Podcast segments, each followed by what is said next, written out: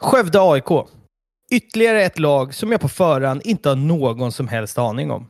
Men som ni som lyssnat på tidigare avsnitt vet är detta de avsnitt som intresserar mig mest och som faktiskt brukar bli bäst. 2002 går Simon på sin första match tillsammans med sin pappa som ideellt arbetat för och i klubben i många år. Supportkulturen växer runt klubben och en stor anledning till detta är dagens två gäster. Skövde AIK är kanske inte den största klubben som får mest rampljus, men jag är övertygad om att vi kommer föra en intressant och häftig historia i dagens avsnitt. Med det sagt vill jag hälsa er varmt välkomna till Äkta Fans Podcast. Välkomna Simon och Kurt. Tack så mycket. Det är en ära att få vara här. Ja, nu har vi pratat om det här ett tag. Jag är väldigt, väldigt glad att ha med er eh, också, eh, ska, ska tilläggas. Jag är, det ska bli sjukt intressant det här um, avsnittet för att jag vet inte så mycket. Jag gillar när jag får bekanta mig med, med en klubb eller förening som jag liksom har ganska dålig koll på på, på förhand. Det är eh, otroligt intressant faktiskt. Hur är, eh, om vi bara tar, hur är läget med er? Det är eh, kallt som djävulen och, och januari. Ja, nollgradigt. Så ska. Fotbollssäsongen drar ju snart igång. Nu när vi spelar in så är det vår första träningsmatch. Är nu till helgen, så det ser man ju verkligen fram emot. Degerfors på Bern Arena. Ah, nice, nice. Och ja, det var faktiskt min nästa fråga, lite, lite liksom pulsen. Jag visste inte om ni hade gått igång med träningsspelet här, men vi har ju eh, Svenska cupen runt hörnet också. Hur, hur är fotbollspulsen hos er? Den stiger för var dag. Det är väldigt stort, för det är ju första gången sen cupen som vi har ju aldrig varit i gruppspelet tidigare. Så mm. bara det är ju fantastiskt kul. Som Malmö FF borta, regerande mästare, det är ju jättestort. Ja, det var, ingen, det var ingen lätt grupp ni fick. Degerfors, Malmö och IFK Luleå. De, de tar vi lätt. Ja, IFK Luleå ska vi in på ganska snart. Det är inte, det är inte första gången du ser eh, Skövde AIK mot IFK Luleå, Kurt. Vi, vi, vi har revansch utkräva. ja, men, 53 nej. år sedan. Ja, ja men vi, vi går väl in där. Alltså, eh, Simon, du är på din första match 2002, men, men den här historien och anledningen egentligen till att, ja, men varför ni båda är med. Dels så, så, så liksom skriver ni ju eh, supporterhistoria inom Skövde AIK tillsammans. Eh, just, just nu med allt som händer så kommer vi prata om under avsnittet. Men Kurt, du, du började ju inte följa eh, Skövde AIK 2002 kan man ju kort sagt säga. Hur, Men, hur eh, hittade du klubben från början? Så att? Jag vet inte, men mitten på 60-talet någon gång. De hade gått upp från fyran till tvåan på kort tid och någonstans där så mm. började väl intresset vakna. 8-9 års åldern kanske. Jag kommer inte ihåg exakt, men någonstans. Och det är ju, alltså på den här tiden, eh, supporterskapet för för fotbollen och publiksiffror har ju onekligen pendlat upp och ner genom historien. Men rätta mig om jag har fel här, 50-60-talet där någonstans så var det ju, då gick fan alla på fotboll. Oavsett ja. vilken stad det var, då var det ju mycket folk. Och de svenska publikrekorden är ju liksom så här, Göteborgslagen 50-60-talet, typ så. 59 mm. någonstans där, då hade de, jag tror det var 14 000 i snitt i Allsvenskan. Ja, och du har ju faktiskt en, en ganska häftig match. När, det är sjukt att ni har dem i kuppen och du sa det själv att det är hämnd och utkräva.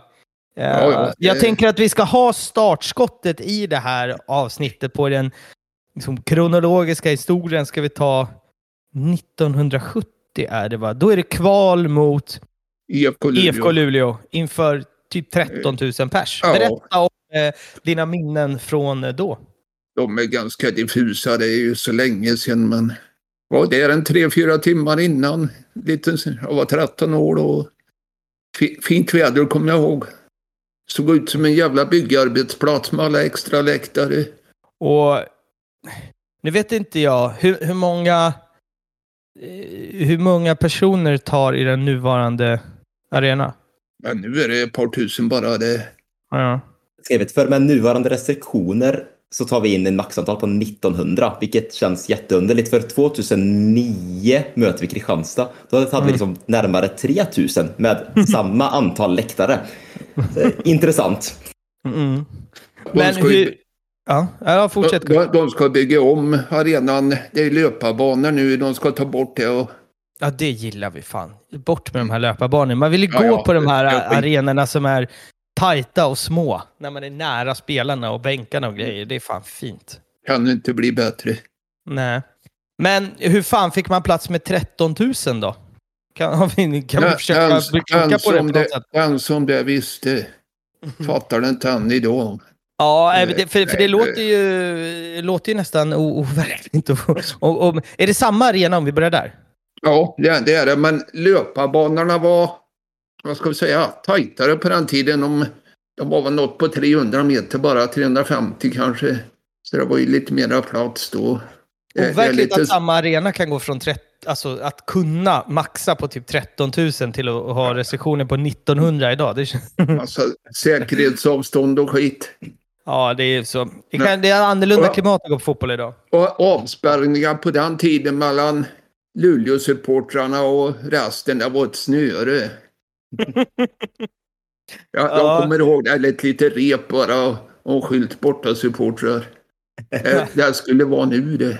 Ja, det är lite annan, annan tid från, eh, från nu kan man ju... Ja, det, det, Eh, var mycket, det, var mycket, det var mycket snällare då. Det var inga huliganproblem. Och, Nej. Men du måste ha upplevt så otroliga eh, kontraster. Du alltså 1970 är det...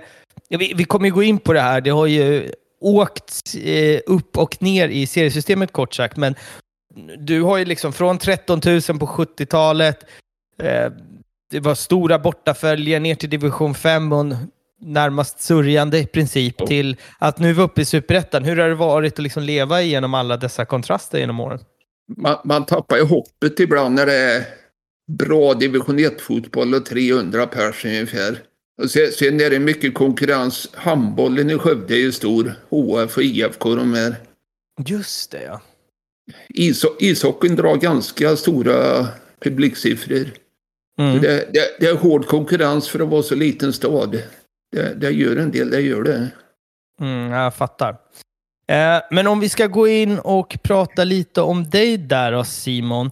Eh, vi, vi kommer säkert landa flera gånger i liksom att, att gå tillbaka i tiden, men eh, ta ett litet liksom avstamp 2002. Då, då får du gå på din eh, första match, Simon. Berätta, hur var, hur, hur var det? Alltså, matcherna i sig från den tiden minns man ju inte alls mycket av alltså. Det var, jag som, det var jag som tvingade med dig.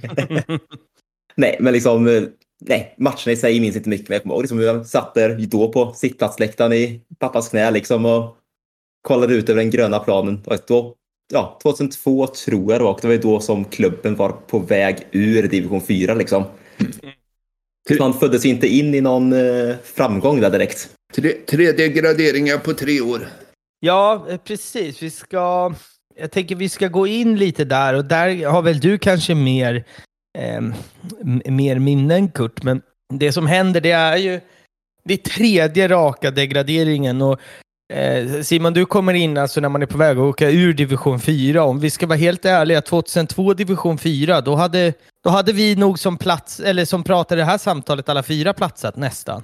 Hur, Nästan hur var till, den? alltså. Alltså, det, det, det är ju väldigt långt ifrån den proffsfotboll som ni får uppleva idag. Hur, hur lokalt var det så att säga? Det måste ju ha varit liksom folk som var så här, bakis eller kanske fulla på matcherna nästan. Alltså det är den nivån i, i, på de här divisionerna på den här tiden. Ja, inte långt ifrån. Alltså det är liksom steget upp från korpefotboll liksom mer eller mindre. Det är liksom cykelavstånd till bortamatcherna. Det är, det är härligt, härligt bondigt alltså. Ja, jag kan förstå det. Men, men Kurt, vad, vad var det som gjorde att man rasade rätt genom syste- alltså, seriesystemet på det viset? Kommer du ihåg det? Katastrofal ekonomi, det vet jag. Det var, dåvarande styrelsen var väl inkompetent. För att säga ett snällt ord. I alla fall, det- de var konkursmässiga ett tag. Det, det var inte långt från. Ja, så det var egentligen att man inte kunde liksom, betala spelare egentligen, eller? Nej, Det, det var någon tränare de fick sparka mitt under säsongen när han kostade skjortan. Okej. Ja, Eh. De skulderna som vi hade då, liksom, de betalade inte vi av förrän ja, nu i år när vi gick upp Superettan. Liksom. Det- De skulderna har liksom suttit kvar med klubben hela vägen upp genom Ish. seriesystemet igen.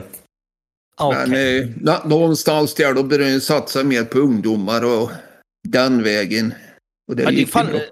ja, det är en bedrift att dra på sig så stora skulder i typ division 2-3 som tar 20 Mm. år att betala av. Då, då är man, då är, det är fan definitionen av inkompetent ledarskap i klubben. Ja, det var då. Nu är det bättre. Ja, skönt, skönt. Men det, det som händer här också är ju att när du kommer in i det här Simon, så jag vet inte, vilket år är du född? 1997, så jag är fem år där när vi trillar ner i femman. Och det som händer här åt andra hållet så att säga är ju från tre raka eh, degraderingar till fyra raka avancemang. Eh, jag fattar att du, du uppfattade ju kanske inte så mycket det fotbollsmässiga här Simon, men eh, vad, vad är det som händer inom klubben som gör att man kan klättra fyra raka divisioner? För det är, eh, alltså, det gör man inte hur som helst så att säga. Va, vad sker? Vi får in en riktig guldklimp till tränare, en uh, Gudmundur Mag- Magnusson som uh, Tuff islänning. stenhård jävla tränare, liksom Stuart Baxter-stil nästan. Liksom, det är fan inga spelare, liksom, det är som division 5-nivå, liksom, eh, tar ingen skit ändå. Liksom. Det var fan inga spelare som fick komma bakfulla till de träningarna längre. Liksom. Sen, ja, en mer kompetent styrelse och sen ja, mycket unga lokala spelare och eh, byggde på det. Men så, så e- egentligen så föreningen eller klubben, jag måste säga, var, var, var så pass bra. Det var bara att det var inkompetent skött under några år. Men potentialen för att vara division 2, division 1 eh, klubb på den här tiden, den fanns där latent liksom, eller? Ja. Jag bara kan fråga dig Kurt, från att ha gått på alla matcher och typ torska varenda match i flera år i rad, hur var det att, att vinna i princip varenda match i fyra års tid? Alltså det måste ha varit en jätte liksom, skillnad. Ja, det är svårt att sätta ord på, ärligt talat. Utan det, Men om du ska jag, jag, försöka då? Ja, nu tänker jag en stund. Kör. Nej, men det, är- det är ju re, ren jävla lycka bara att... Okej, när jag tog femman och fyran, fine, lite uppåt. Men sen trean, tvåan, nu jävlar händer det saker där. Mm. Ja, vi ska komma till eh, en speciell match eh, 2006, men vi är inte riktigt där än. Men eh, alltså hur mycket... Nu när ni har fått tillsammans uppleva liksom bravader i, i division 1, alltså man är uppe på de nivåerna. Hur är det att liksom bryr man sig lika mycket om att vinna Alltså gör det någonting mer att, att, vinna division 5 som att vinna division 2? Alltså man vinner ju en, en serie oavsett, men är det mer så här att division 5, då ska man vinna för att det finns någon slags skamgräns? Eller hur känner du där Kurt? Jo, oh, men det, det, det, är helt rätt. Eh, de sprang ju igenom den serien. Jag tror de släppte in fem mål eller något på hela säsongen. Eh, något sånt där. 2000 sex här, då har det ju vänt ordentligt och det här ska ju bli liksom kulmen på, på den här klättringen. Då är det IK Sleipner som, det är inte många som känner till IK Sleipner, men de har, de har fan ett SM-guld. De har lika många guld ja. som Bayern. Fick vi in den också? 40-talet någon gång. men Vart är IK Sleipner ifrån förresten? Norrköping. Norrköping till och med. Ja, just det. Norrköping. vad dum jag De hatar IFK. Ja, just det. Det är den, ja. Det finns några sådana sköna. Halmia, Halmstad. Men eh, försök sätta ord på den. Ni har alltså, först har man vunnit femman, man har vunnit fyran, man har vunnit trean. Och nu är det liksom, allt det här har ju mynnat ut i att nu är det avgörande match för att gå upp till division 1. Försök eh, sätta ord på, på dagen av matchen Kurt. Sen får du också Simon hoppa in, men fortfarande i, i, i storyn här så är du ganska ung här Simon. Men du får ju fylla i det, det du kommer ihåg också såklart. Ja. I första hand, sista tio. Domaren la ju, hur mycket la på? Tio minuter. Ingen visste hur lång tid det var kvar. Han stod och skrek oavbrutet i tio minuter. Och då sa det domarjävulen, det fan med springa in på plan och göra något. Det, Mm. det, det var hemskt. I, ingen visste hur lång tid det var kvar och det var ju allt eller inget där. Det, det är det man kommer ihåg tydligast. Mm. Hur mycket folk var det på matchen? Kommer du ihåg det? Två, och ett halvt ungefär. Också spännande eh, fortsatt att er arena bara tar 1900 här, men det är 2-5 då. Jag, jag kan inte släppa den. Verkar de här rest... Ja, vill bli... jag tror att vi kommer landa där flera gånger under det här avsnittet. Eh, kommer du ihåg någonting från den här matchen Simon, den här dagen? Det är väl en av de första matcherna som jag har riktigt klara minnen ifrån. Liksom 1-0 målet kom i första halvlek där, sen kom kvitteringen. Sen jag vet, skott från då, vi stod eh, där på en bortasektion där nu ungefär. Och från våran Mm. vinkel så hade Sleipner ett skott i slutet Jag var helt säker på att bollen gick in. Det var liksom typ som Sterlings mål i VM. Hela världen trodde att bollen var in i mål, men den gick i utsidan av nätet. Mm. Han sparkade sönder en reklamskylt till rena ilskan. Och... Sen kollar han upp och ser att våra målvakt lägger upp bollen för inspark. Ja, ah, okej. Okay. Fy fan. Han hade, han hade temperament redan då. det, det, här är ju... Här får ju... Här pitchar ni ju in på plan och firar med spelarna. Och här... Jag bara kan tänka mig att det här är ett, ett fint minne också när, när signalen till slut eh, går. Ni, så här, ni har ju vunnit serien, men återigen, när man pratar den här skamgränsen, eller ja, hur, hur, man nu ska uttrycka sig det här. Men det här är ju stort när ni är uppe i division 1. Och ja. Ja, ni hoppar in på plan och farsa hjälper er över planket här. Berätta om uh, det Simon. Kom, vad kommer du ihåg? Det var rätt fint. Liksom det. Ett antal minuters total jävla ångest där under tilläggstiden där ja, domaren sätter till slut liksom pipan i munnen den totala lätten. Liksom jag försöker hoppa över, farsan ger mig en liten push till att komma över staketet. Sen är det bara in på planen. Liksom. Ja. Den känslan är ju liksom... Det finns ju inget bättre i fotbollen alltså. Ja, det, det, det, är ett av de finaste minnena genom alla år. Helt ja, det var, det var dit jag ville komma lite. Det här...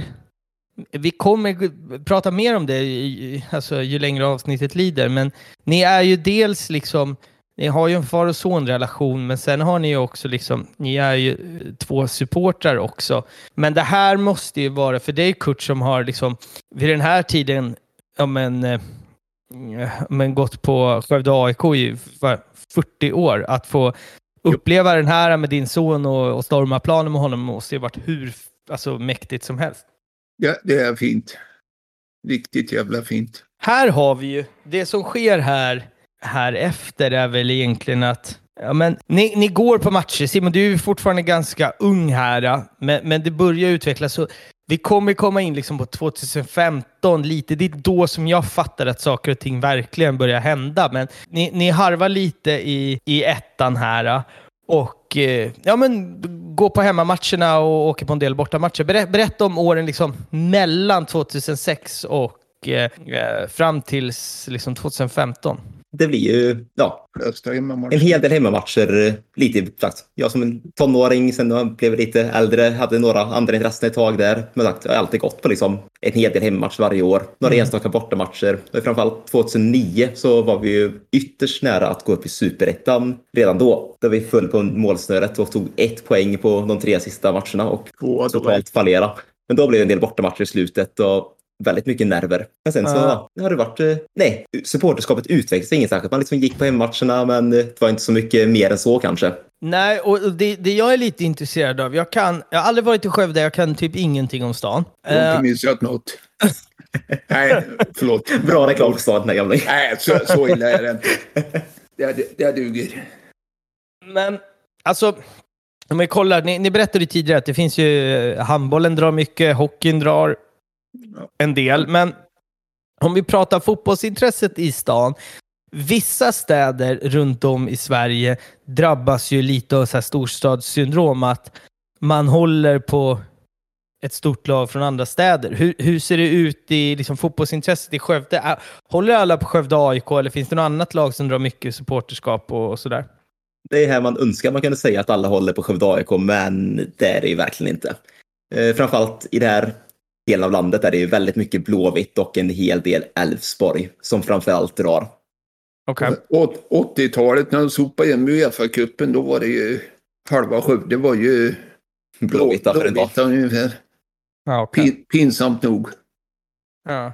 Men, men hur har det varit för dig då, Kurt, att växa upp i en stad där du har haft Skövde AIK och alla andra hejar på IFK Göteborg? Liksom? Hur frustrerande har det varit att folk inte håller på sitt lokala lag?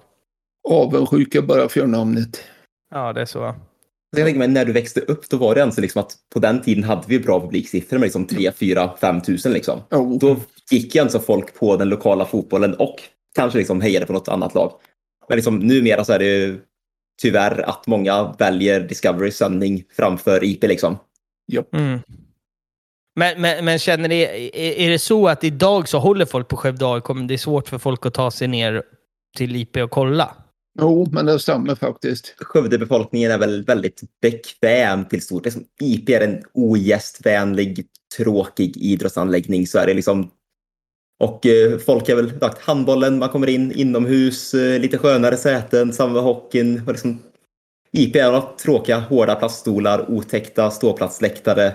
Så fort liksom vädret inte är suveränt så kommer folk inte hit liksom. Ja, okej. Så sommarmånaderna när, när solen står högt och månen är borta, då, då är det lätt att dra folk, men inte annars med andra ord. Men eh, nackdelen med Skövde är att det är så- under sommarmånaderna så drar ju varenda jävel härifrån istället. I kusten. Ja, okej då. Ja, eh, jag, jag fattar. Så det är... eh, Det, är inte, det har inte alltid varit lätt, eller det kanske, jag vet inte om det är det nu heller, men eh, man, man har fått vara lite supporter i, i, i motvind i många år. Förstår jag er, er rätt då? Jo men verkligen. He, he, helt rätt. Mm. Ja, men intressant. Vi, har, vi kommer ha, alltså, sent i avsnittet ska jag ha min rätt eller, eller snett när vi någonstans har lite halvt knutit ihop. Så att det, det ska bli intressant att se vad, ni, vad, ni, vad ni säger där då.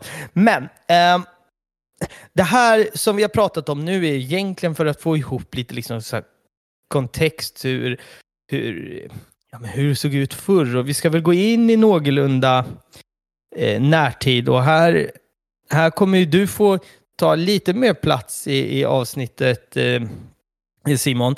2015, eh, klubben trillar ner i division 2 och här någonstans eh, börjar du bli mer aktiv. Här har du liksom, du fyller 18 detta år, så då är det ju liksom, då står du lite mer på egna ben och inte bara, du sitter inte i pappas knä längre. Berätta om eh, liksom från att du går från att vara, men gå på matcherna till att börja känna att du vill vara lite mer aktiv. Vi började 2015, åker ner i tvåan. Och sen första hemmamatchen, åker på stryk. Sen, nej, men eh, vi måste åka första bortamatchen då, så vi är liksom till Grästorp eh, och möter Gautio. Det är liksom nära och bra, enkelt och 10 mil ungefär. ja, så enkelt att komma dit liksom. Och där tar vi en stor, vad blev resultatet? Sju- 7 eller 8-0. Ja, det är stor, vad, fan, vad kul det var att åka på bortamatch liksom. Fan, eh, varför har vi inte gjort det här mer ofta liksom? Mm. Jag tänkte att eh, det här fortsätter med då. Och eh, just det året i tvåan så hade vi väldigt många lokala lag. Vi hade en fem, sex lag ifrån Skaraborg i division 2. Så det är väldigt enkelt att ta sig till bortamatcherna. Så det året blev väl en 18-19 av 26 matcher eller någonting. Då är det liksom li- lite mer för att man liksom applåderat vid mål, eh, skrikit heja, men inte så mycket mer än så kanske. Nu blir det lite enklare hejaramsor, eh, lite mer känslor, lite mer hets mot domaren och motståndarna när Sistnämnda inte minst. när det liksom, ja, domaren gör ett misstag, motståndarna beter sig som svin och liksom lite mer hets, lite mer känslor. Som kanske saknades på något sätt eh, tidigare. Det börjar likna något. Kan jag få gissa på att eh, du också tar ett körkort kanske i 18-årsåldern och att det blir lättare för er på det viset, eller lättare för dig Simon? Jag tror jag ta mitt vid 19, men det underlättade också när man kunde dela på körningen sen det var lite lo- längre bortamatcher. Mm. Mm. Då kan han köra och jag dricker öl istället. Perfekt. Ja, det är... Jag, jag har själv haft den diskussionen med min, min farsa när jag var liksom tonåring, att jag ville åka med på vissa bortamatcher. Eh, och sa, men vi kör bil, men han ville ju dricka bärs, så det var liksom, det gick inte. Svår kombo där. Ja, exakt, exakt. Eller onödigt att åka på bortamatch och dricka bärs och köra. Det är dålig kombo spontant.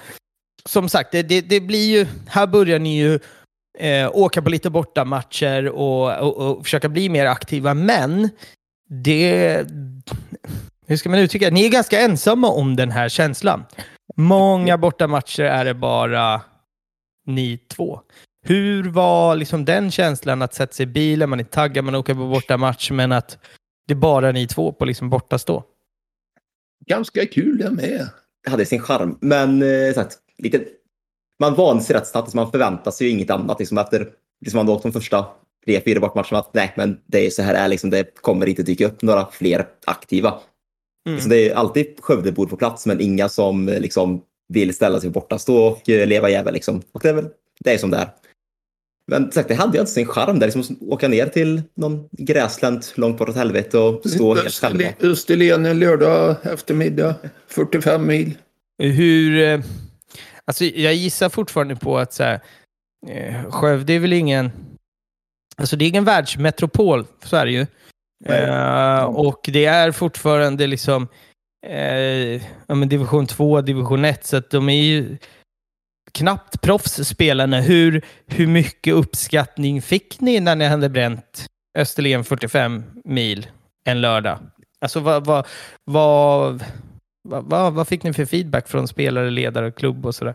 Nej, redan från början, så 2015, när vi började åka på bortamatcher, tyckte jag det var jättekul. Kommer ihåg att en av ledarna kom fram till oss vid en bortamatch och liksom, ja men vem är ni släkt med i laget liksom? För det var, det var inga andra som åkte bortamatcher utöver liksom spelarnas släkt och vänner liksom. Ja, nej men vi, vi är bara här för laget, vi har inte släkt med någon bara. Jaha. Sen var det ju standard att de kom fram och tackade oss efter matchen. Det, ja, även om vi bara var två. Mm. Men det måste ju bli en sån känsla för att eh, många avsnitt jag har gjort så kan jag bli jäkligt avundsjuk på ja, men närheten till laget. Så. Att man, just den här att man får vara, hur fan ska man uttrycka, unik som supporter. Här så har ju ni, det här är ju era idoler, laget, era hjärtalaget som ni följer och de vet vilka ni är för att det är ofta bara ni två på, på bortamatcherna. Hur mycket liksom ego-boost ger det? Hur, känns det att liksom vara så unik? För det har ju jag aldrig fått känna i, i mitt supporterskap. Liksom. Nej, klart, det är två helt skilda världar liksom, jämfört med AIK och Skövde AIK. Liksom. Mm. Men det har varit väldigt, väldigt kul att eh, få komma så, så pass nära laget som man gör. Liksom. Liksom, vi är liksom inbjudna på lagfester, liksom, åkt med i spelarbussen. På, liksom, man är på ett first name basis med liksom, alla i laget, så är det ju. Mm. Jag tänker efter avancemanget till superettan, efterfesten. Det, vi kommer dit. det, det, Ja. det tar vi sen. Ja, Det det, det, ska vi definitivt ta sen. Nej, men alltså, jag, jag, jag tycker att det här är jäkligt häftigt. För jag menar, eh, så, som för mig, jag har gått på liksom AIK i, i det blir 25 säsongen. Jag har en spelare i dagens trupp som, som jag kan hälsa på och säga tja, hur är läget? Och det är den första spelaren under alla dessa år som, som det här har hänt med. Men för er så, så har det ju varit så alltid. Sen är det klart det är lättare när man spelar i division 4 att känna, för då, alltså återigen så platsar man i princip själv. Va? Men, men Ja. även när man kommer upp i, i, i de högre divisionerna, eh, ruskigt avundsjuk på, på, på den närheten. Ja, men liksom, även idag så är det liksom en, ja, mer än hälften av truppen är ju liksom skaraborgare. Liksom. De, alla bor i Skövde, man möter dem på puben, man möter dem i stan. Även Mm. idag så har vi inga spelare som har proffskontrakt, utan alla antingen studerar Har- har eller proffs. har halvtidsjobb. Liksom. Ah, Så Okej. liksom, det, är ju, det är våra kollegor, det är liksom eh, vänner på stan. Liksom, det, känns, det är fortfarande en väldigt, en väldigt lokal förankring. Ah, Okej. Men om man kollar alltså, ekonomi och sånt här nu när jag spelar Superettan i år till exempel, då bör ju ni vara en av de klubbarna med liksom, lägst omsättning pengamässigt. Att. Absolut. Jag kan ett Utsikten är det som är närmast. Även de bör nog omsätta ett antal miljoner mer än oss. Jag tror vi beräknat skulle omsätta 15 15,5 miljoner i år ungefär. Tidigare säsonger har vi legat på mellan 3 och 5 liksom. Åh jäklar, det är inte mycket pengar du. Det är inte Nej. mycket pengar. Men ändå mäktigt att göra den resan ni har gjort då med en, med en sån skral alltså, omsättning och ekonomi. Då är då, alltså era, er prestation och att ni är där ni är i, idag då eh, måste ju betyda ännu mer. Alltså kolla, ni ska möta Malmö i Svenska Cupen nu. 15 Ja. miljoner i omsättning. Det är, eh, ja, det är väl vad de har i löner per månad kanske. Jag Nej, vet det känns inte, tar väl i. Ja. Ehm, ja, då, det gör, ger väl prestationen och superettan-platsen än mer eh, cred om inte annat. Det är, det är nästan till unikt. Mm. Slarvigt. Det är det. Ja, Nästan men, återigen så här, uppskattning från ja, laget. Där vi har ju, vid ett par säsonger liksom, så har ju klubben hört av sig. Liksom, att, eh, I ettan så hörde de av sig innan säsongen började. Men kan ni komma ner till första träningen när vi vill ja, ha någonting till er? Där, då? Så fick vi ju två stycken, ja, vad som är motsvarigheten till bortakortet i ettan, vilket är ett kort som egentligen ges inträde till alla ettan-matcher egentligen. okej. Och samma sak inför denna säsong så hörde av oss till vår sportchef. eh, ja, men, eh, Vi är uppe i Superettan nu, kommer ni sälja några bortakort? Eh, så Ja, men vi ska nog kolla på det. Men sen hörde jag ingenting. Va? Ja, men de har haft annat att tänka på. Vi får väl helt enkelt betala inträde, det är väl inget mer med det. Men sen ja, två veckor innan seriestart så dyker det upp två bortakort i brevlådan liksom. Gratis. Ja, okej. Ja, men det, det är mäktigt. Alltså, och någonstans återigen här, det här, det här jag nämnde tidigare, att, att man är unik. så. Det är också... Då, då känns det ju som att klubben i sig inte har alltså, tagit er för givet, utan verkligen uppskattar, vilket måste ge också en otrolig boost att fortsätta. Ja, men det ger ju den inspirationen till att liksom åka på ännu matcher och göra ännu mer. Så är det ju. Det underlättar. Återigen, jag lämnar det. Alltså, jag tror att... Ja, intressant här med, med rätt eller snett på slutet. Jag, jag, ju, mer, ju längre avsnittet går, jag tänkte när jag skrev den, här kommer jag vara snett på det, men ju mer och mer, ju längre det går så tror jag att jag hamnar mer på rätt sidan. Så att, eh, Alltså, det är ja, intressant. Ja, eh, eh, verkligen. Hemmamatcherna. Mm. Fanns det liksom en, ska man säga, en klacksektion? Eller var, det, var ni de två första som ställde er upp och började sjunga? Eller fanns det sen innan? Där, där var vi två. Ja, där, där fanns Skövdebor som håll käften, är pinsamma ungefär. En del. På den, på den nivån var det när det var som värst. Mm. Ja, men det var dit jag Ja, ville ja, komma. ja, Hur ja, kollade det- folk på er liksom? Oh, det, det har blivit lite bättre. Nu har vi några med oss i alla fall. Så till, till en början så var det många som kollade lite, inte snett, men kollade, kollade på oss för att mest intresse. Som fan, eh, vi är inte vana vid att folk faktiskt ger någon form av eh, stöd utöver artiga applåder efter ett mål och någon enstaka höjd röst vid ett domslut. Liksom. Mm.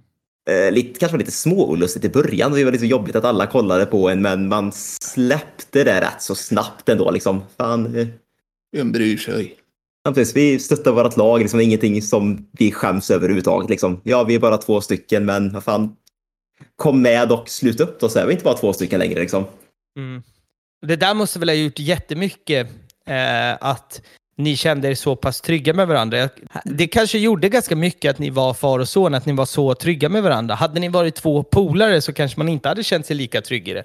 Nu hade ju ni tryggheten och, och säkerheten i varandra, så att säga, i och med att ni har känt varandra sedan du föddes, Simon.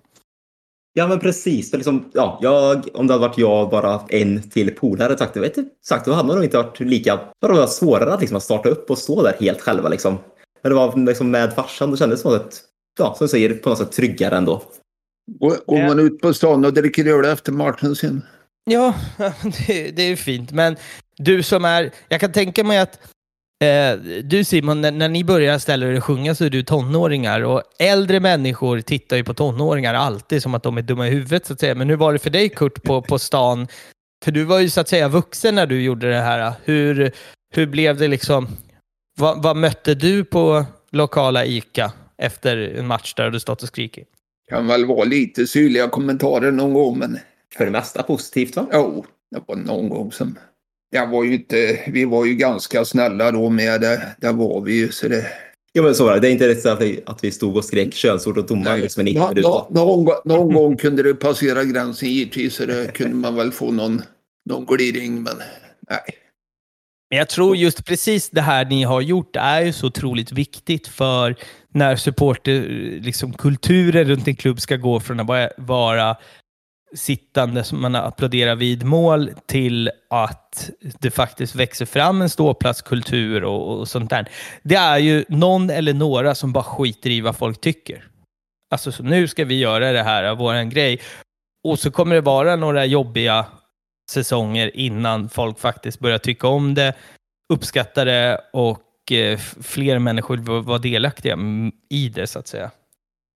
Det, det, är nog så vi har tänkt i grund och botten att vi, vi skiter i vad andra tycker. Mm. Låt dem gnälla. Jo, men så var det. För, för, ja, först från liksom, ja, lite sneda blickar och undran vad fan håller ni på med till eh, liksom, ja, cred. Men ja, vad kul att ni är här varje match. Liksom, bra jobbat. Eh, kul att ni stöttar laget. Liksom. Och sen till slut då till att faktiskt eh, några mer började ställa sig och nu till slut att vi faktiskt har en supporterklubb. Liksom. Det har varit Mm. små steg, men det har ändå gått åt rätt håll hela tiden. Eh, ja, intressant. Och det, det är precis just därför det är ni två som sitter och pratar om det. För att eh, utan er så, så hade det varken funnits supporterklubb och eh, rullat bussar runt om i Sverige. Men jag tänker att vi ska gå in lite på vad som sker. Vi, vi, man landar ju många gånger i det här i, i avsnittet jag har gjort, men i, i, i pandemin. Och pandemin var ju super liksom, tuff för, för supporterkulturen och ja, men supportrar generellt. Man kunde inte se sitt lag.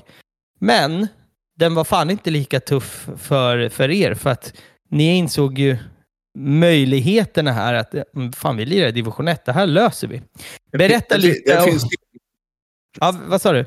det finns stegar och den grejen. Alltså, division 1 var ju verkligen den perfekta nivån att ligga på under pandemin. Liksom. För ja, längre ner i seriesystemet, serierna ställdes in, serierna åtminstone förkortades. Liksom. Men här vi spelade en full serie och vi spelade på arenor där man rätt så ofta hade möjlighet att se in från utsidan. Ja. Så jag kommer ihåg, ja, när pandemin börjar, det stod klart att liksom, äh, fotbollen kommer spelas utan publik. Som alla fotbollssportare kände. Liksom, fan, hela ens liv till viss del raserades. Liksom. Vad fan skulle man göra nu?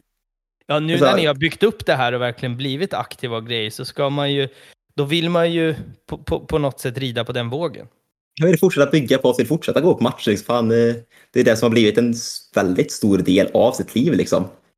Så vi tog ett varv utanför IP och började kolla, liksom, ja, men kan vi se in från IP? Vi klättrar upp ett träd, och där har vi bra insikt. El, elskåp. Stod ett elskåp där, ja, men där kan vi också se.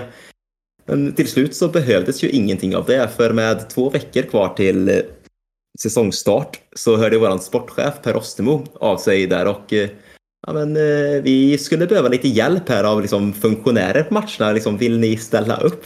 Publikvärdar? ja, ja tack. Utan publik. Publikvärdar för, för tomma läktare? Ja, ja. det var ett tufft arbete. Alltså, den lättnaden när man får det som mest. Va? Fan, vi kommer att se fotboll från insidan under pandemin. Liksom. Det var ju... att återigen, ja. fördelen med att man varit så pass nära laget och klubben. Liksom, att, uh, det var ju självklart för dem att ge oss den chansen liksom, och man är väldigt tacksam för det. Bara en sån gest, det är ju, det är ju evig kärlek till en sån klubb. Det, det är verkligen, så. verkligen. Men eh, ja, otroligt fint. Och återigen så eh, verkar det ju... Alltså det, det, är fint med den genuina kärleken ni får från klubben. Alltså återigen med bortakorten här och, eh, och, eh, och det här är ju... Alltså att, att en klubb visar tacksamhet gentemot sina supportrar, eh, det ska man fan inte ta för givet alltså. Sådana här Nej. saker gör mycket för många. Jag vet, stort. Det var så kul det var, det var som funktionär. Tänkte man liksom, ja, man går in här, men ja, nu är jag på som publikvärd väst. Liksom. Jag kan inte stå och liksom skrika könsord domaren och kalla motståndarna för det ena och det andra. Var ju tanken. Hade vi hemmapremiär där mot Utsikten. Går vi rätt så lugnt första liksom, 80-85 minuterna. Sen får ju Utsiktens tränare, den karismatiske Bosko, får ju sig själv uppvisad på läktaren där eh, efter att han tjafsat som fan på domaren. Och då, mm. jag kunde inte hålla mig längre. Det liksom haglar ju liksom förolämpningar mot Bosko där. Så alltså, jag står där med publikvärdsväst på mig på andra sidan och liksom hånar Bosko som fan. Vilket jag fick äta upp tre minuter senare för Utsikten kvitterade på den efterföljande frisparken och avgjorde matchen. Men äh, det var riktigt skoj. Ja, jag... Samma mot Vänersborg. Ja, den är fin.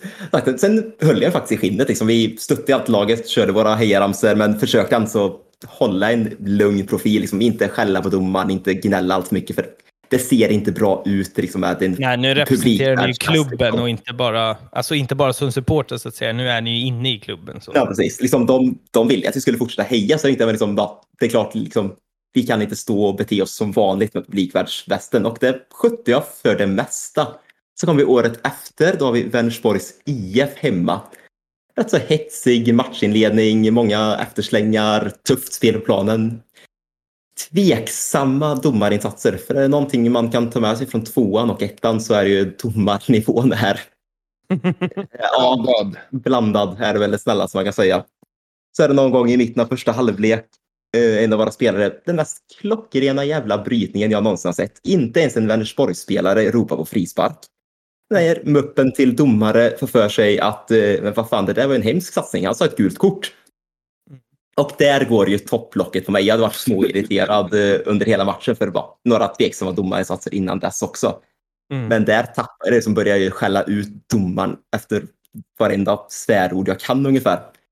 Mm. Så kommer det ju typ 20-30 meter bort så står Vänersborgs två stycken personer som påstod sig vara från ledarstaben. De mm. själva stod liksom där, njöt av solgasset och även de skrek på domaren. Men då kom en av dem fram och började så, vad fan står det på din rygg liksom? Ja, det står publikvärd, vad, vad fan vill du? Ja, då kan du inte stå här och gnälla på domaren. Ja, jag, liksom, jag är lika mycket publikvärd som du är ledare. Fan, du står här liksom på andra sidan av planen, liksom 60 meter bort från bänken. Vad fan håller du på med? Gå bort till bänken liksom. Mm. Han stod där utväxlande ord. Han liksom ber mig dra åt helvete ungefär. Jag ber han dra detsamma. Han går iväg. Det slutar med att ja, en från klubben kommer fram i halvtid sen och ni kanske bör tona ner det lite här. ja, ja, jag köper det. Liksom. Det ser inte snyggt ut. Jag, jag, jag har inte riktigt hans temperament som tur är. Kurt höll sig lite lugnare. Ja, jag är för gammal. Och sen, det roligaste av allt nu, Spolar vi fram ytterligare ett år, sitter vi på en uppladdning här i Superettan, får vi en notis på mobilen där. Ja, men Skövde AIK har eh, fixat ja, säkra kontrakter på en ny spelare. Ja, trevligt. Öppnar nyheten.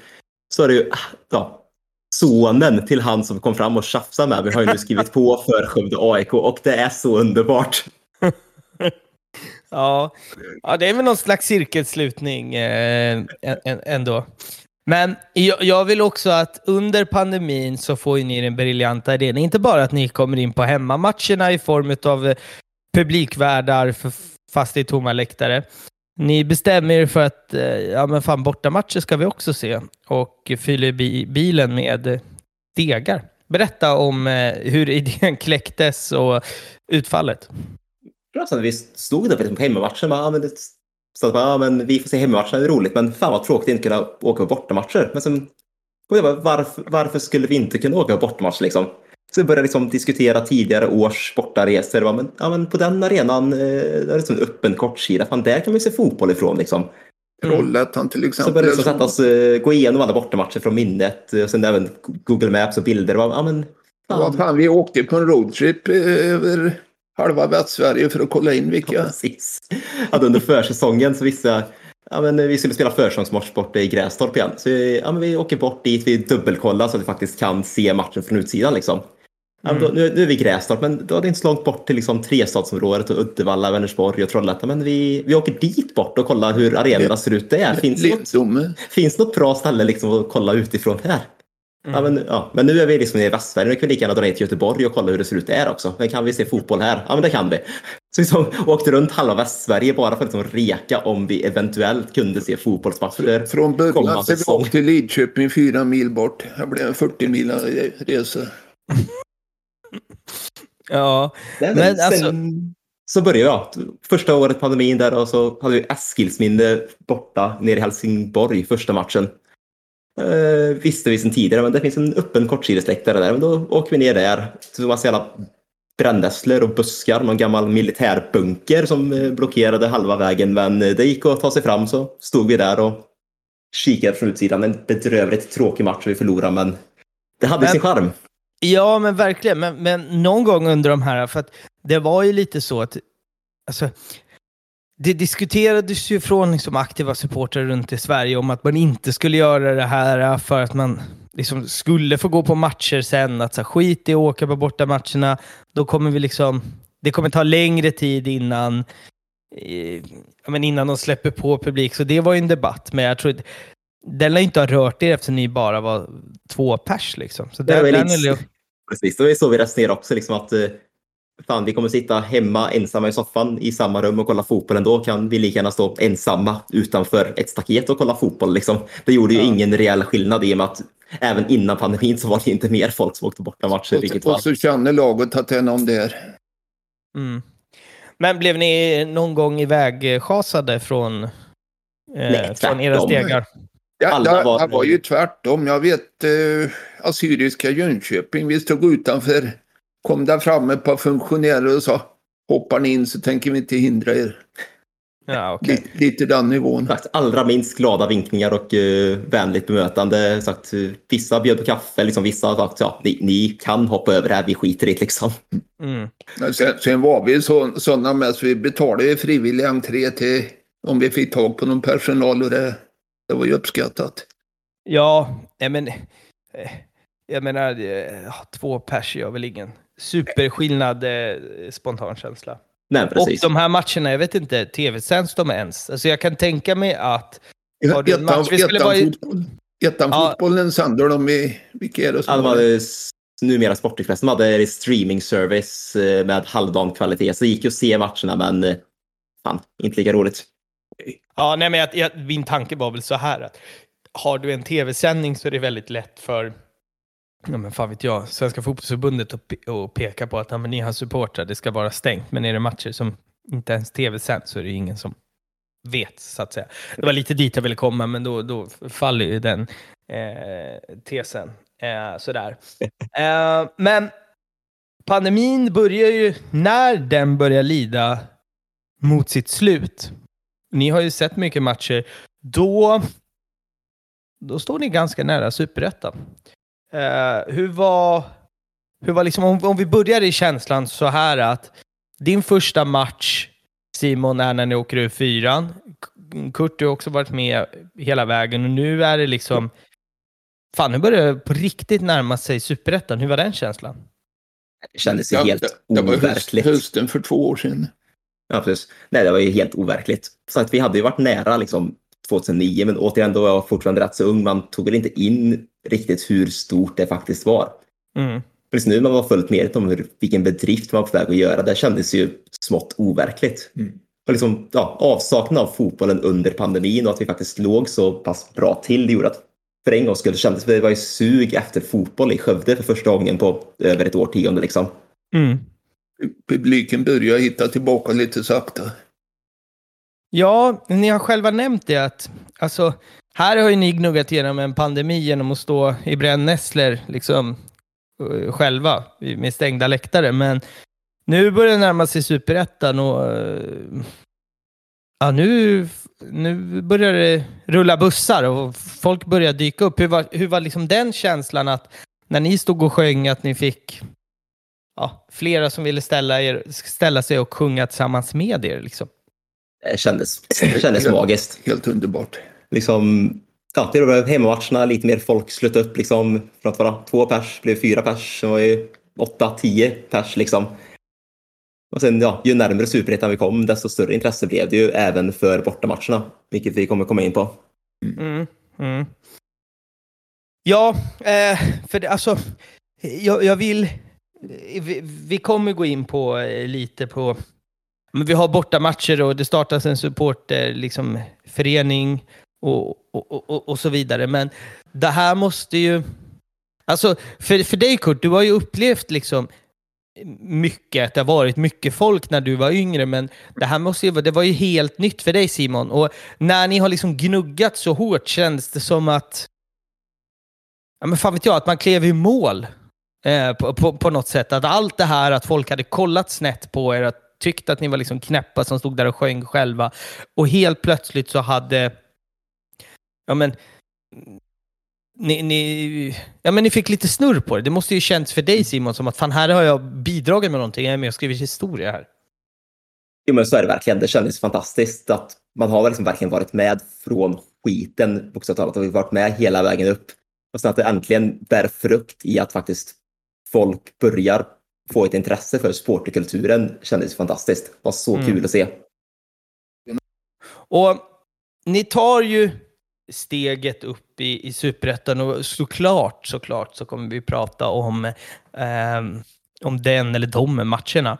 Eh, men i den vevan, här har ju, så, som vi pratade om, så, så börjar intresset eh, väckas. Och startas en, en supporterförening och detta leder oss in på avsnittets Away Days och Assyriska borta 2021 där ni går in och eh, sponsrar en, en supporterbuss. Berätta om det här initiativet. Jo, men tack. Ja, vi var ju rätt så trötta för, ja, även om intresset började växa, det var ju fortfarande inte folk som åkte på bortamatcher. Så jag tänkte, äh, men då får vi väl fan ta saken i egna händer då. Så vi satt länge och pratade, ska vi, ska vi inte, kommer det finnas intresse? Men så hade vi match mot Utsikten matchen innan, där vi ligger under med 3-0, hämtar upp till 3-3 med matchens sista spark. Liksom magisk stämning på läktaren. Skitkul. Mm. Efter det, men nej, nu kör vi. Jag ringde upp eh, ja, ett av de lokala bussbolaget dagen efter och eh, vi vill ha en buss.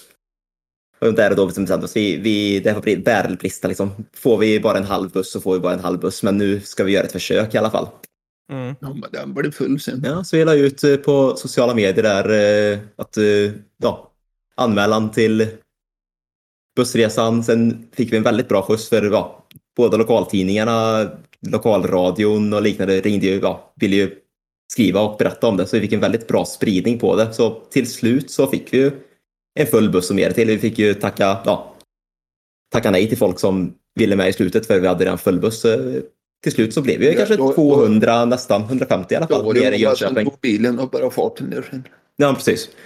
Så blev ju en 100-150 nere i Jönköping och sagt för första gången sedan 2009 i alla fall så var det för först, ja, ett bra tryck på bortastå i en match med Skövde AIK. Liksom det, var fantastiskt. Det här måste ha känts supermäktigt ju. En lördag eftermiddag och 90 procent var fulla. Det... Perfekt. Vi har liksom kört liksom växelsång på två pers. Liksom. Nu hade vi liksom alltså, åtminstone 50 pers som var aktiva under hela matchen. Liksom. Det var ju liksom skillnad på natt och dag. Liksom.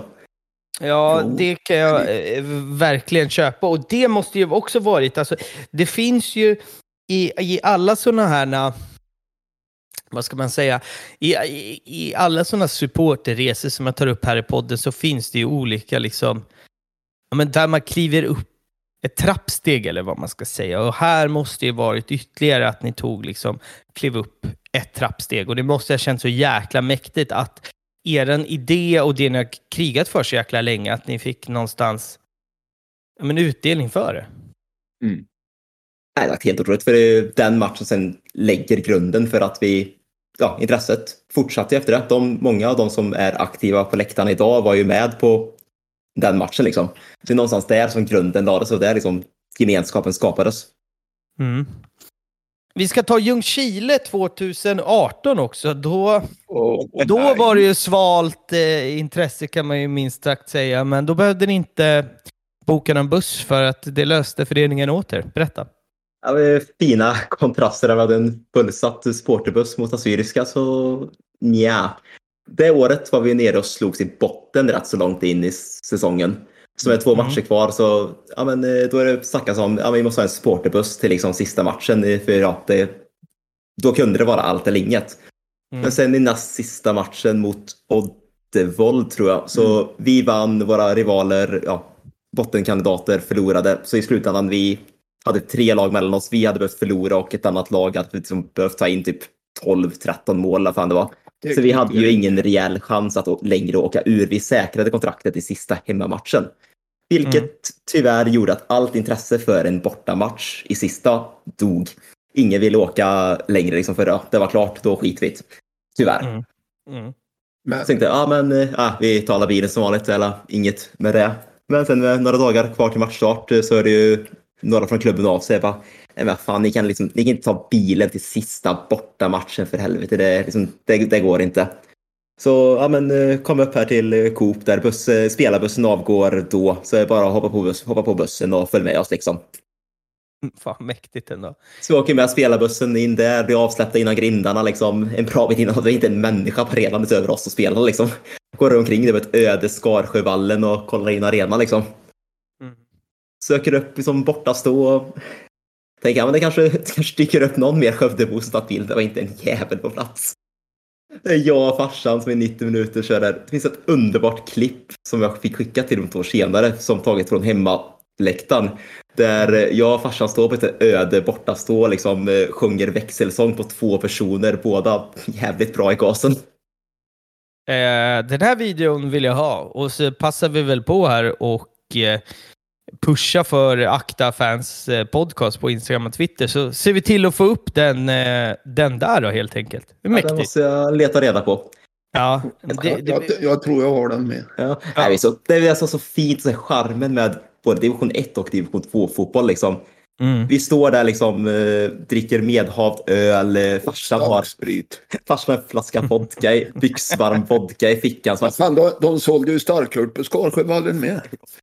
Medan farsan frågar här publikvärden som står borta, står där liksom, tar fram vodkaflaskan. Bara, är det okej om jag, jag har lite flytande glädje här? Är det okej om... Eh, ja, ja, sköter snyggt bara så. Han, han Men- kom ihåg oss året efter med. Men en fråga, satt ni liksom i en kasse öl då på spelarbussen eller? Vadå? Ja, ja, det är så. Spe, spelarna söp på hemvägen sen. det var min nästa fråga, men De var nyktra när vi gick på planen, det var de. ja. Inte nyktra när vi gick av bussen. Eh, jag, jag har en, en, eh, en liten fråga och den här eh, bara eh, skjuter från höften. Eh, ni har en, jag tror att det här är eran kvalmatch till Svenska cupen-gruppspelet mot Stockholm International i augusti. Ja. Vad heter Va- den arenan? Var ni där? Jajamän. Eh, då ska ni få höra, för det här, det här vet ni inte att jag ska ta upp nämligen. För att jag bor ungefär 50 meter från Stadshagens IP. Ah. Eh, den här matchen spelades, om jag kommer ihåg, halvsent. Alltså Och- den så startade 20.00 eller något i den stilen. Ja, något sånt. Vi, vi, Mm. vi åkte från Stockholm vid halv elva eller något på hemvägen. Ja, precis.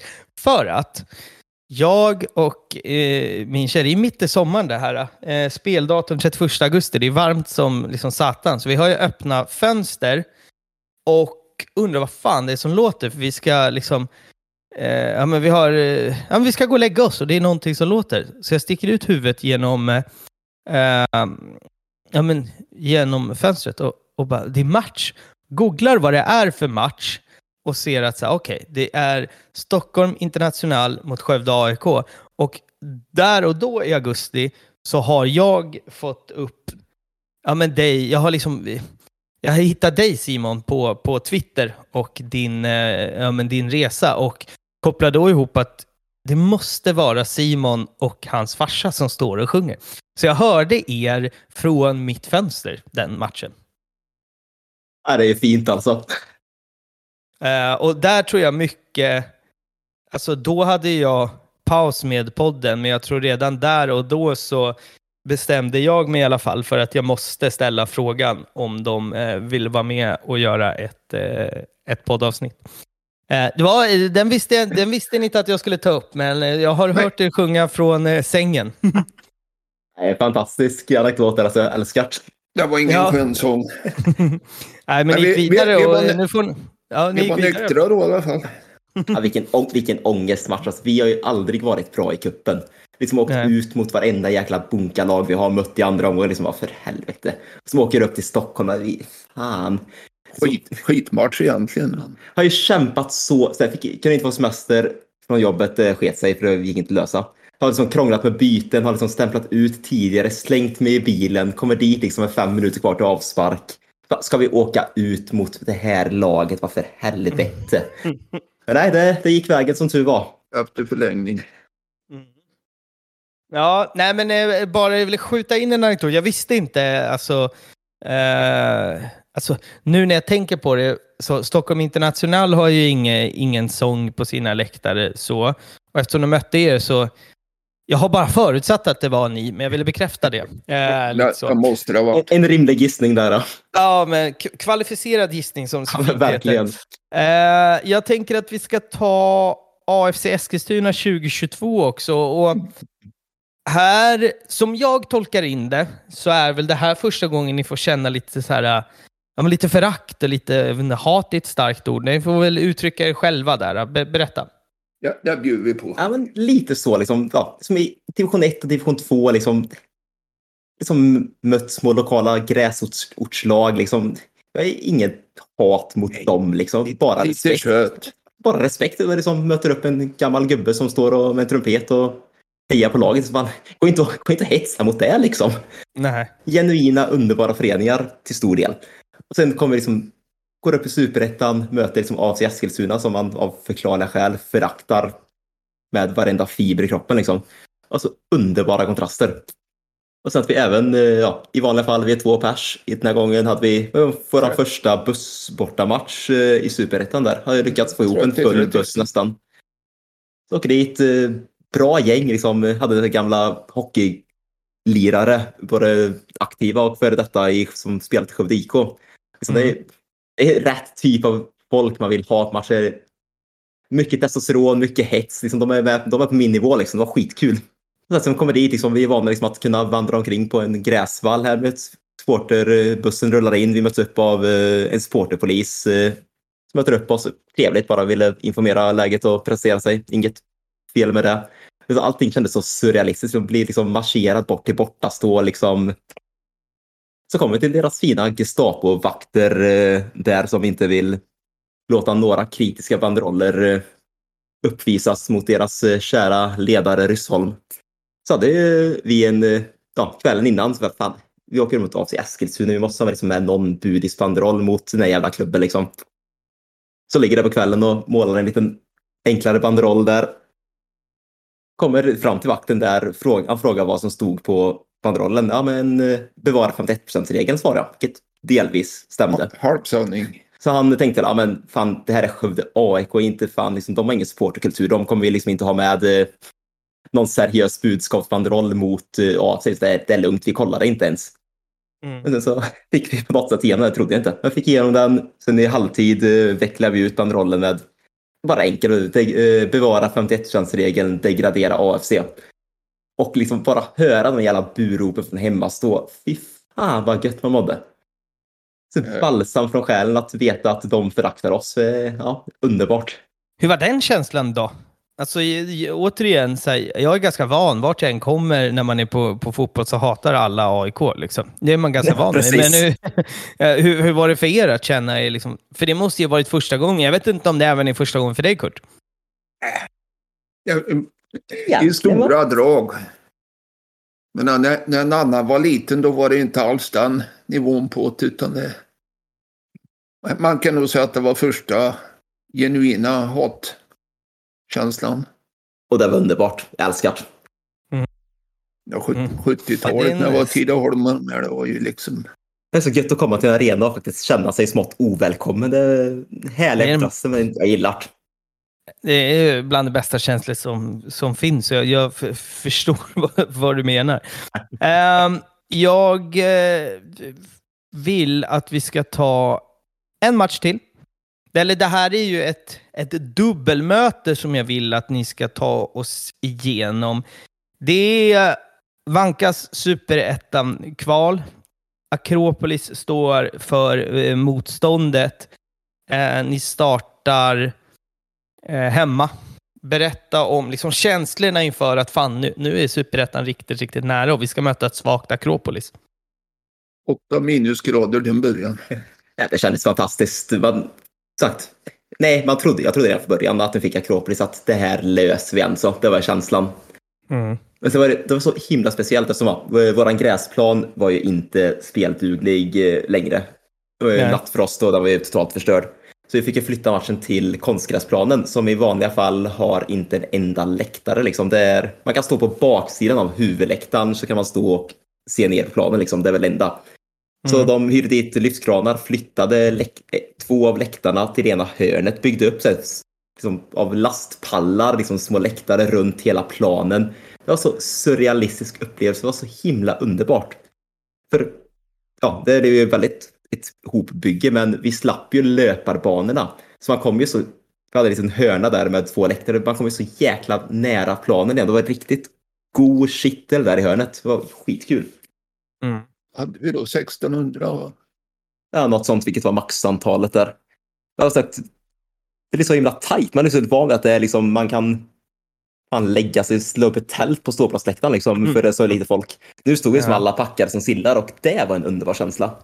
Ja, den kan jag verkligen förstå. Men det som, det som är udda med det här dubbelmötet, som jag måste fråga er om, är att här så är det ju, det är nervöst som satan för, eh, för att få Eh, flytta upp, eller att gå upp en serie. Och ni vinner första matchen med 3-0 hemma. Eh, vilket gör att ja men då är man ju i princip klar. Men man kan fortfarande inte fira att man är Eh, klara, så att säga. Hur var, hur var, liksom, hur var den känslan att och, och stänga matchen med 3-0? Då är man ju skitglad, men att inte få fira och behöva liksom vänta några dagar för att slå spiken i kistan, så att säga. Det var en så underlig känsla, för man kände, liksom, man kände ju att det var klart, men sen som den pessimismen man så är, liksom, vad fan, det kan ens gå åt helvete. Och så blandade känslor där alltså. Bara, bara det där att hålla nollan hemma. Där, jag menar 3-1, då hade det varit en helt annan match. Mm, ja, verkligen. 3-0, det- Och sen att 1-0 målet gör sättet var ju Viktor Granat, numera i Halmstad, som eh, gör sin säsongen, eh, karriärens första cykelspark in i mål liksom typ två minuter innan halvtid precis framför läktaren. Ja, den känslan eh, man hade mått sämre. Ja, jag, jag, jag köper den. Och sen är det ju eh, retur. Och ni skrev på Grimsta. Jag har för mig att Akropolis brukade spela på Skytteholm. Men berätta om hur det var att få komma upp till, eh, till, till Grimsta och slå spiken i, i kistan. Oh, jag kan tänka mig att de kanske har bytt arenor lite till och från, men jag tror det var Grimsta under hela säsongen, tror jag. Men den matchen var i alla fall Grimsta. Nej, vi kom ju upp dit. eh, Liksom, Akropolis har ju aldrig varit ett publiklag. Man kan ha varit typ 250-300 pers på matchen och liksom 200 var Skövdebo. Liksom. Ja. Ah, det, det, var alltså, det var ju inga nerver i matchen, liksom. det var ju, vilket för sig var skönt, men liksom, det var ju väldigt avslappnat egentligen hela matchen. Spelar ju på resultatet hela Ja, tiden. det var en av de tråkigaste matcherna jag sett, men vi fan brydde sig. Vi var på väg upp Superettan, det var en jävla feststämning. Mm. Så jag, var, jag var lite besviken eftersom jag kom ihåg på vägen bussen upp, liksom, ja men eh, klart vi ska in på plan liksom om vi vinner och andra, ja men det är klart vi ska in, alla var med på det. Så liksom tio minuter kvar av matchen, det står klart att vi kommer gå upp, eh, spiken gör så man måste gå ut i högtalaren där bara, ja men eh, kom ihåg att det är olagligt att beträda spelplanen, bla bla bla. Som Mm. jag vet ju liksom, kommer vi in 80-100 pers på planen, ingen bryr sig, inte en säkerhetsvakt kommer bry sig Nej. Jag försöker övertyga alla andra om det, men de är liksom livrädda för att liksom bli tagna. Va? Men fan, skärp er! Jag vill, jag vill in på plan. Liksom, fan, jag, liksom, jag och farsan kan inte pitcha själva, då blir vi tagna direkt. Liksom, försöker Ja, övertala. så, 100 procent. är vi två pers, vi blir tagna. Är vi liksom 50 pers, de bryr sig inte. Kom igen nu, kom igen nu. Men nej, det, det, det var ett, eh, det gick inte. Men vi fick ändå, ja, fira spelarna, alla spelarna fram. Vi fick krama om laget. Sen blev det en jävla fest när vi väl kom hem till Skövde. Då Ja, hade vi eh, ja, abonnerat, ja, en av sponsorerna till klubben hade ju ja, abonnerat deras eh, restaurang då. Så vi kom dit eh, ja, en halvtimme, timme innan spelarbussen. Vi bara går upp dit. eh, Första kommer upp, får liksom en öl i näven av ägaren till restaurangen.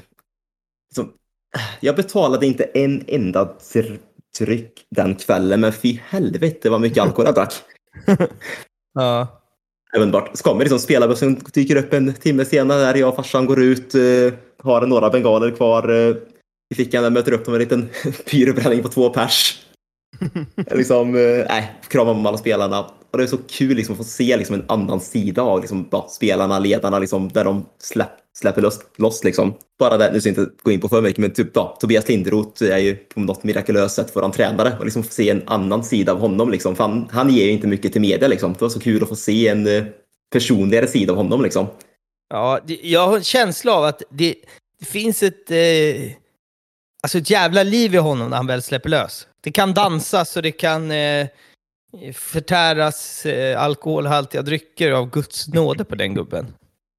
Som sagt, eh, för hans karaktär skulle jag sagt inte några detaljer, men det var kul att se en, en mer personlig sida. Liksom. Jättekul. Ja, jag, jag fattar, jag fattar.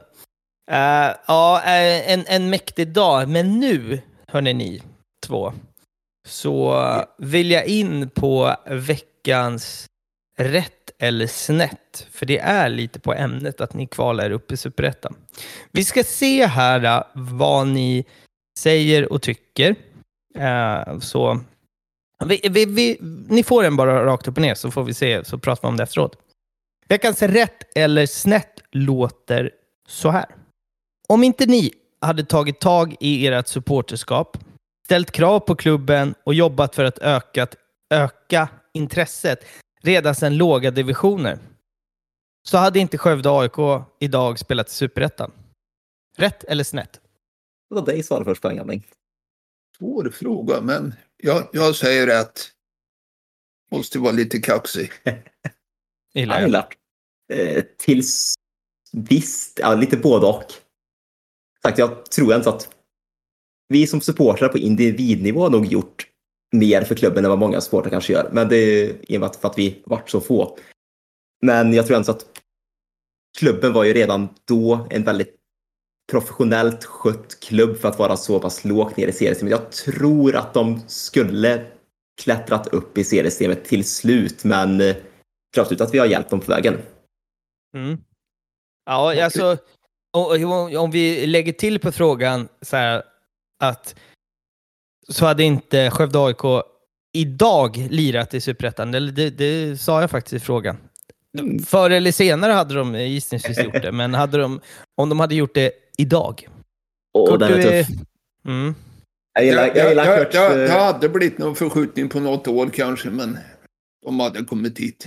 Ja, alltså min, min tes i det hela är ju att, alltså att man som klubb kände att ja, men det finns folk som bryr sig, det finns folk som åker på våra matcher, att man, man alltså så här, när folk börjar bry sig och engagera sig, då ställs det alltså samtidigt ett krav att bli bättre, att leverera. Finns det ingen kravställan, ja, men varför, alltså, vem tvingar en att leverera? Sen att ni bara var två, absolut, men jag vet inte. När jag skrev den så var jag helt övertygad om att det skulle vara, eller ganska övertygad om att det skulle vara snett, men när jag har lyssnat på er resa så blir jag mer och mer övertygad om att ni har en ganska stor del i eh, att Skövde AIK spelar Superettan. Jo, när du säger det lutar väl nog mer åt rätt åt mitt håll. Framförallt liksom typ i tvåan, ettan. Det är klart, det ger ju en extra push såklart för spelarna. Liksom, ja, två personer som aktivt lever sig in i det är ju en enorm stor skillnad från total tystnad. Det måste ju ge en mental kick som spelare. Mm. Ja, jag, jag, jag är helt övertygad om detta. Uh, ja, men intressant. Jag gillar att ni, ni, ni vågar svara rätt, för det är lätt att man blir ödmjuk, men det tycker jag inte att ni ska vara i det här forumet när vi pratar om, eh, liksom, om, om Skövde AIK, för där, där är jag helt övertygad om att ni har betytt väldigt, väldigt mycket.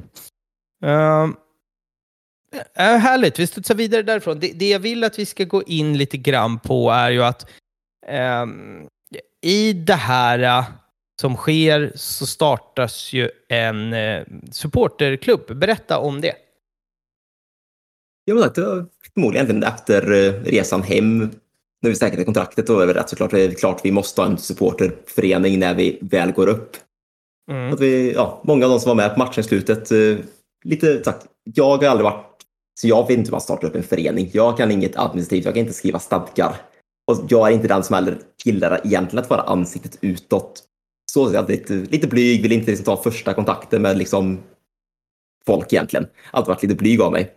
Ja, det är liksom, ja, ah, folk med andra egenskaper, liksom, vi har eh, några personer som ja, har haft erfarenhet av att bilda föreningar tidigare som hjälpt till med allt administrativt och folk som är lite mer socialt utåtriktade som liksom tar kontakten med allt folk och det blev det så mycket enklare att få det officiellt då. Och, ja, men vad, vad, vad blir skillnaden så att säga i runt matcher när, när ni har det på plats? Och hur kändes det för er att vara med och starta upp där? Alltså känslomässigt. För återigen så, vi har ju, jag har ju nämnt det någon eller några gånger i avsnittet, det här med att man tar ett steg till på, på, på trappan i, i, supporterkulturen. Och här är ju nästa steg så att säga. Här är verkligen nästa steg. För ja, nu när det väl går upp känner kände ju framförallt jag att eh, fan, klubben har steppat upp, tagit steget upp i superettan. Ja, nu måste även jag eh, levla upp här lite och eh, leverera mer. Jag tänker, eh, fan, premiären närmar sig. Jag tänker, vad fan, vi måste ju fan ha ett tifo till hemmapremiären i superettan. Liksom, fan, vi kan inte... Det måste vi ha liksom. Det finns inget annat. Så jag köper en symaskin på Blocket. Har inte suttit vid en symaskin på fan i mellanstadiet liksom. Jag tror det tog mig 45 minuter första gången att träna den förbannade jävla saken. Men eh, lyckades till slut lära mig liksom. Eh, slet med det tifo där i fan 50-60 timmar där jag och farsan till stor del i alla fall.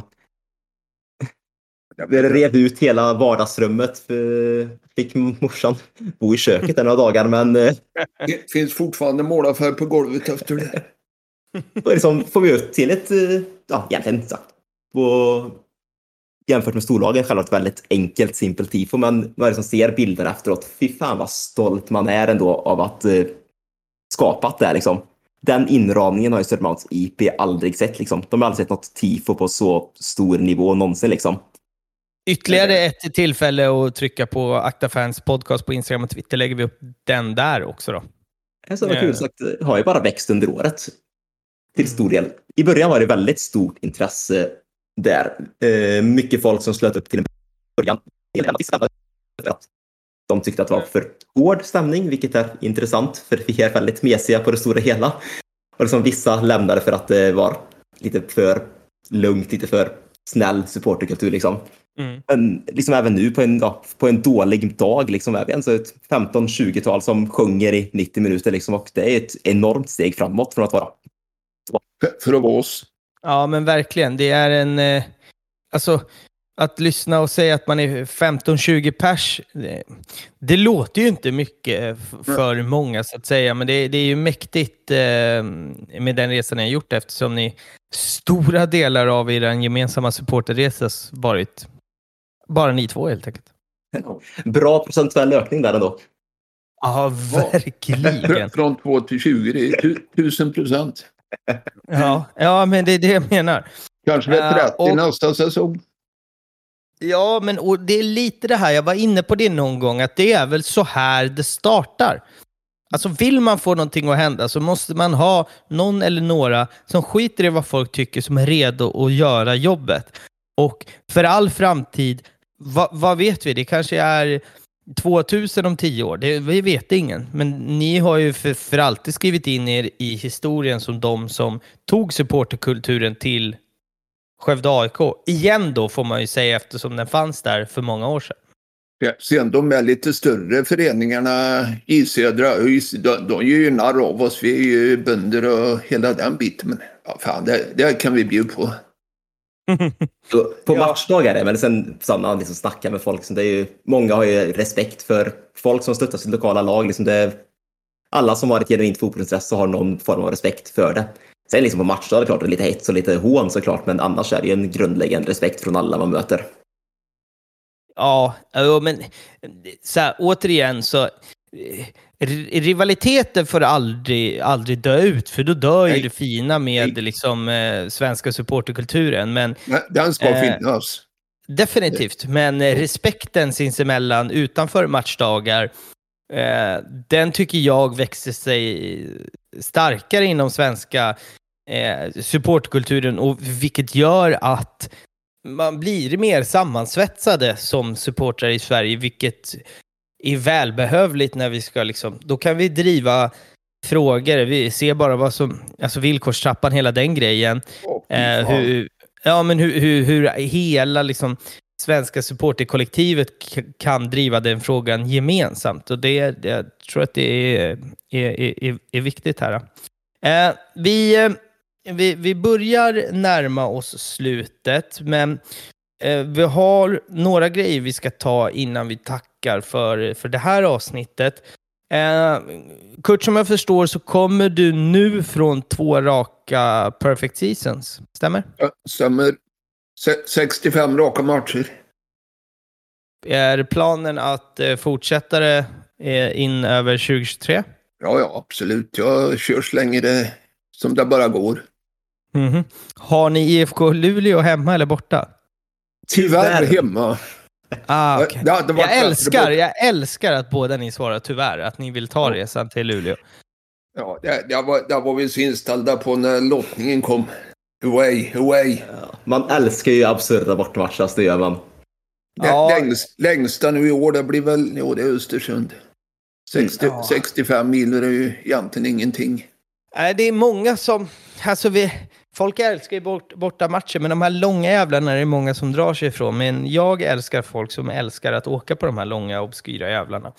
Mm, det som är du har ju skrivit här Simon, du, du har nästan två perfect seasons. Du har missat en match per, per säsong. Hur surt är det? Det irriterar mig så jävla mycket, framförallt när liksom farsan sitter här bredvid och har två raka perfect seasons.